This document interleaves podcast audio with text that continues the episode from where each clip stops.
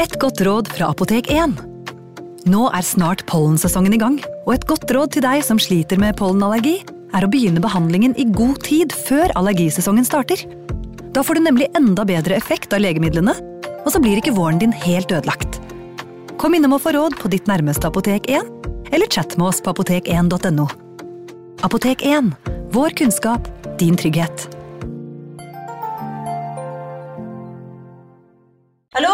Jeg kommer fra Oslo politikammer. Ine Jansen er purk. Er du purk? The motherfucking bitch. Alt jeg vil, er å finne ut hva som skjedde med mannen min. Jon Carew. Er jeg sikta for noe? Iben Akeli. Det er du. Ole So, Lars Berrum og Big Daddy Karsten. Hvem sin side er du på, egentlig? Anette Hoff, Tone Danielsen, Kommer du fra Afrika? Jørnis Josef, Nesten kløfta. Trond Espen Seim, Det er synd å si det, men det var feil mann som døde.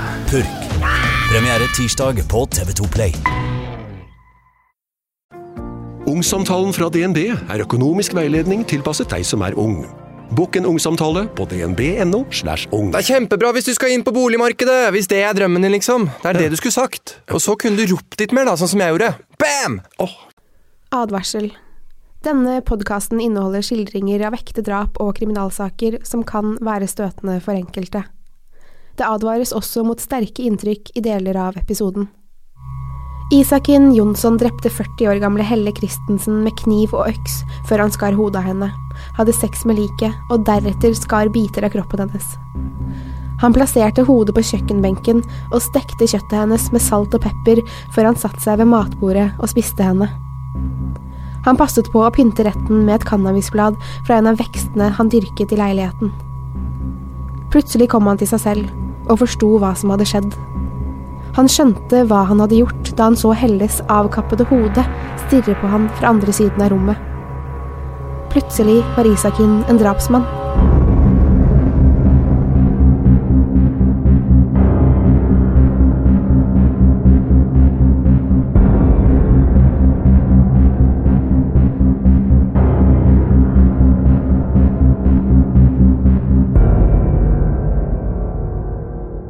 Samme kveld som drapet fant sted, ble han siktet for mord på Helle Christensen klokken 22.13. Under det første avhøret fremsto han så påvirket at politiet avbrøt avhøret. Han ble sendt til observasjon på sykehus, hvor de tok blodprøver av han. Isakin hadde en promille på 1,35 og var i tillegg påvirket av to sterke medisiner. I blodet til Isakin fant man 4,1 mikrogram tramadol og 0,23 mikrogram solpadol, to smertestillende medisiner som ofte misbrukes. Rettslegene som analyserte Isakens blodprøver, mente at den høye promillen alene kunne ha vært grunnen til den aggressive atferden. Isaken nektet for at han hadde tatt noen medisiner, og sa at han hadde sluttet med dem. Han mente at han kun hadde drukket alkohol den kvelden Helle ble drept. Isakin sa også at han under mordet ikke hadde vært seg selv. Han hadde sett hele situasjonen utenfra, som en tredjeperson. Han så alt fra siden, og trodde at han hallusinerte eller drømte. Det var først etter at han hadde spist Helle at han kom til seg selv igjen. Han følte at drapet ikke kjentes unaturlig, og uttrykte i rettssaken at han der og da syntes drapet kom like naturlig til han som å lage seg en brødskive. Han nektet for at det var han selv som hadde drept Helle, det var nemlig hans andre personlighet som hadde gjort det. Han mente at han skulle berømmes for å ha ringt politiet, fordi han like gjerne kunne ha stykket opp kroppen og gjemt Helle slik at hun aldri ble funnet. Men Isaken ville gjøre rett for seg. Han ønsket å ta straffen for det han hadde gjort. Han fortalte også i rettssaken at han hadde følt seg slik før, sånn som han var på drapskvelden. Den følelsen var ikke ukjent for han, selv om han ikke hadde gjort noe så morbid før. Men han fortalte at drap ikke var ukjent for han.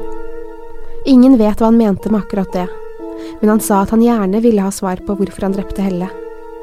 I rettssaken gikk aktoratet gjennom skadene på Helles kropp. Hodet var adskilt fra kroppen med et jevnt snitt. Strupen, muskler og blodkar var kuttet over, og femte, sjette og syvende nakkevirvler hadde skader. Hun hadde flere blåmerker på hals og kropp, stikkskader var påført etter at døden inntraff. Helle hadde brudd på hodeskallen og på venstre kinnben, muligens fra stump vold, eksempel en øks. Helle døde av forblødning, organene hennes var bleke, noe som tyder på akkurat det. Hun hadde blødd kraftig fra de dype kuttene i halsen og dødd raskt. Isakin ble vurdert som alvorlig psykisk syk, og det var ingen tvil om at han skulle dømmes til forvaring. De tekniske undersøkelsene stemte med Isakins forklaring, og rettssaken ble kort, siden han allerede hadde tilstått og erklært seg skyldig. Isakin Jonsson ble dømt til forvaring på Karsuden sykehus utenfor Katrineholm i Stockholm. Han kommer ikke til å slippe ut før han er ferdig behandlet, lød dommen. I dette tilfellet er det ikke legene som kan bestemme når Isakin er ferdig behandlet, men en ny rettssak må til før han eventuelt kan slippes ut i samfunnet igjen. Han behandles på ubestemt tid. Isakins nye liv har tatt en positiv retning, i alle fall for han selv. Litt mer enn et år etter forvaringsdommen fikk han sin første permisjon. Han har også fått deltatt i en kamerat sitt bryllup, og fått permisjon en annen gang for å hjelpe en kompis med å flytte. Per i dag får han fire timers permisjon per uke, og han har fått sin egen leilighet for å trene på å leve som normalt. I starten av oppholdet på Karsuden fikk Isaken blogge, og han gjorde dette en periode før bloggen hans ble slettet. Han hadde altså tilgang til internett og la stadig ut innlegg om sitt nye liv. Noen av blogginnleggene ligger faktisk fortsatt ute på nettet, og de kan finnes ved å gjøre et enkelt Google-søk. Isaken får fortsatt lov til å bruke internett fritt, så lenge han ikke truer eller skader noen. Helle Christensen er drept, oppstykket og begravet. De fem barna hennes har ingen mamma. Foreldrene hennes har en datter for lite, og søsteren har ikke lenger en søster. Men Isaken, han har permisjon. Helles familie ble sjokkerte og triste da de fant ut av at Isaken fikk alle disse privilegiene, mens Helle ikke lever lenger. Det er forståelig. Men Isakin skal mest sannsynlig slippe ut i samfunnet igjen, og det er nok derfor han trenes opp i å leve som et vanlig menneske, selv om han kanskje ikke er et. Han kommer alltid til å være skarekannibalen, men det ser ikke ut til å plage ham nevneverdig. Isakin skal behandles, det er sånn det fungerer både i Norge og i Sverige. Selv om dette virker og kanskje er urettferdig for Helles familie, er det alltid bedre å få en rehabilitert drapsmann ut i samfunnet istedenfor en som har blitt verre av soningen. Det virker ikke som om Isakin angrer på det han gjorde. Han har fortalt i et radiointervju som er gjort, at det ikke kan tas tilbake. Det er som det er. Han kan heller ikke gi noen god forklaring på hvorfor han drepte Helle, men skylder på den andre personen i hodet sitt. Nå er det jo slik at de som dømmes til psykiatrisk behandling, faktisk skal behandles. De skal muligens ut i den virkelige verden igjen, og de må kunne klare seg selv. For samfunnets del er det riktig at de som er criminally insane, som det så treffende heter på engelsk, skal behandles som mennesker. For det er de. De skal være trygge, og de skal lyttes til. I tidligere tider ble psykisk syke dessverre henrettet, torturert og eksperimentert på, og det er heldigvis ikke slik i dag. De skal ikke bli innlagt og glemt slik som før. Det er jo til alles beste om de blir så friske som mulig. Nå er det jo dessverre noen som ikke lar seg behandle. Kan kannibalen fra Skara være en av dem? Noen år etter drapet på Helle møter Isakin Michelle Gustavsson på Karsudden mentalsykehus, hvor hun også soner. Blikkene deres møtes en gang under et fellesmåltid, og de kikket på hverandre flere ganger. Michelle likte han med en gang. Han var hennes type, med tatoveringer og piercinger i ansiktet. Michelle hadde tenkt på Isakin siden hun så han første gangen. Hun bestemte seg for at neste gang hun så han, skulle hun presentere seg. Det gjorde hun, og de begynte å snakke sammen. Siden de ikke bodde på samme avdeling, begynte de å chatte på Karsudens intranett. De ble kjent og fant ut at de var perfekte for hverandre. Michelle forteller at hun raskt ble forelsket i Isakin, og var overlykkelig da han fridde til henne etter bare en måneds bekjentskap. Så hvem er egentlig denne Michelle Gustavsson? Hun er faktisk mer kjent under navnet Vampyrkvinnen. Her er hennes historie. Hun ble født i 1988 og vokste opp sammen med mamma, pappa og en bror. Som barn var Michelle innesluttet. Hun ble mobbet og kunne plutselig bli veldig sint. Michelle var tidlig involvert i barnepsykiatrien og fikk diagnosen ADHD. Men det var noe mer med Michelle. Temperamentet hennes. Da Michelle var 14 år, skilte foreldrene hennes seg. Det var også på dette tidspunktet de psykiske problemene hennes startet.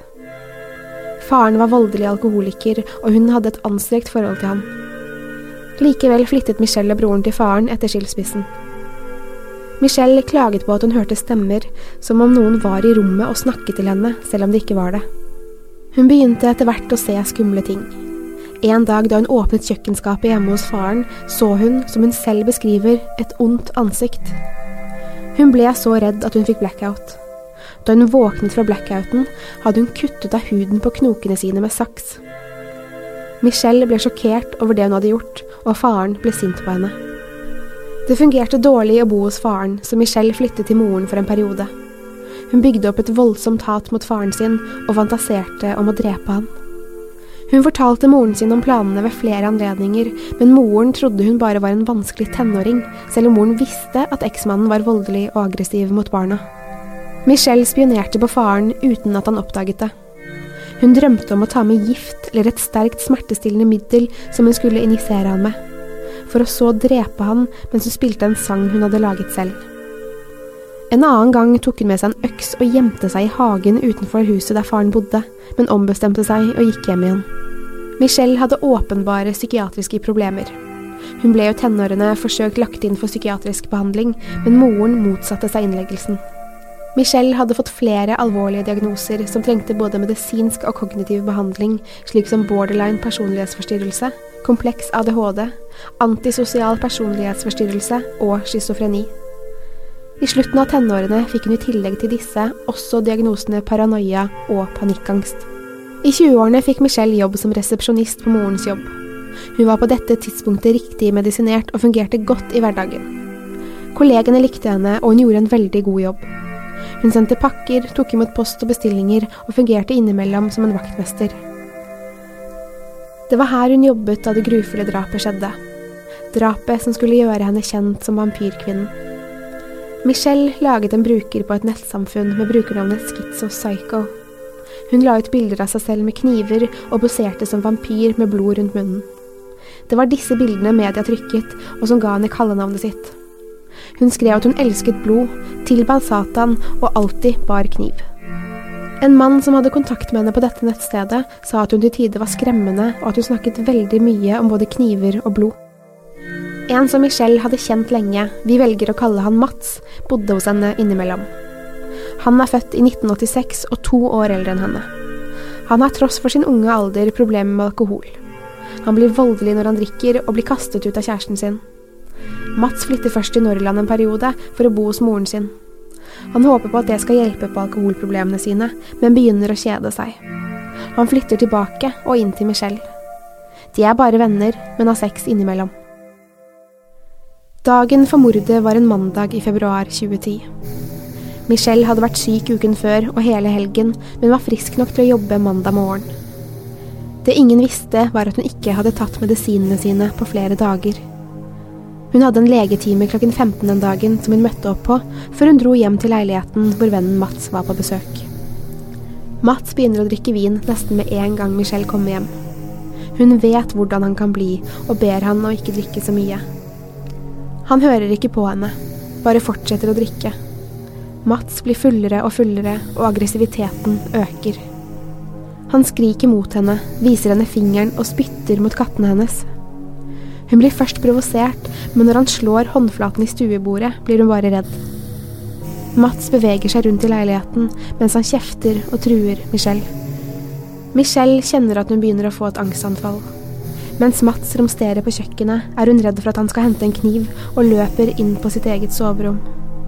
I nattbordskuffen har hun en kniv, og tar den med seg tilbake til stuen.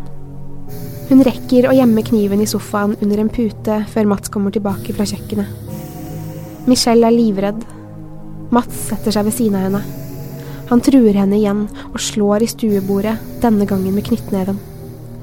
Han reiser seg hastig og går ut på kjøkkenet enda en gang. Denne gangen er Michelle helt sikker på at han henter en kniv, og at han skal drepe henne.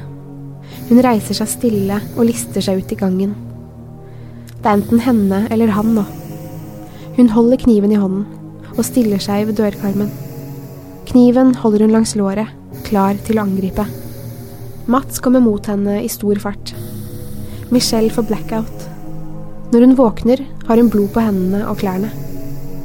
Mats ligger på baderomsgulvet. Det er så mye blod rundt han og på kroppen hans. I badekaret er det enda mer blod. Hun får panikk og ringer faren sin. Han kommer til leiligheten hennes og møter den blodige datteren i gangen. Det er ikke mitt, sier Michelle til faren. Han går inn i gangen og ser Mats liggende på gulvet. Han tar opp telefonen og ringer politi, som raskt kommer på stedet. Michelle sitter i gangen helt apatisk. Mats er død, drept med 25 knivstikk. Michelle sender en SMS til en venn og skriver 'har gjort noe veldig dumt'. Til sjefen sin sender hun en mail og skriver 'Bli borte resten av uken, er veldig syk, sorry'. I avhør gråter Michelle og forteller versjonen jeg nettopp har lest. Hva som egentlig skjedde, vet bare hun. Politiet syntes det er merkelig at Michelle kan huske hele kvelden så detaljert, men ikke selve drapet. Hun mener likevel at det er hun som har drept Mats, ingen andre kan ha drept han. I rettssaken viser hun ingen tegn til anger, nesten som om hun er likegyldig til mordet.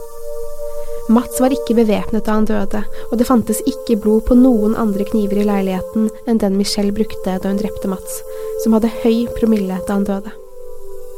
Michelle mener fortsatt at hun drepte han i selvforsvar, men retten er ikke enig. Hun dømmes til forvaring på ubestemt tid og skal sone straffen sin på Karsudden mentalsykehus. Michelle Gustavsson, vampyrkvinnen, og Isaken Jonsson, Skara-kannibalen, er i dag forlovet. De får ofte permisjoner og treffes innimellom. De planlegger å gifte seg når behandlingen er ferdig. De drømmer om å bo på landet og starte sitt eget tatovering- og piercingstudio sammen. Michelle bruker permisjonene sine på å utdanne seg som tatovør. Hun og Isaken håper på å få barn sammen i fremtiden. Michelle er glad for at hun endelig har møtt en snill mann som forstår henne. Det var akkurat det samme som Helle Christensen sa da hun møtte Isaken. Har du reaksjoner, innspill eller spørsmål til denne episoden, kan du sende mail til post at truecrimenorge.no, eller skrive til oss på Facebook. Send oss gjerne tips til saker du ønsker å høre om. Til neste gang, takk for at du har hørt på True Crime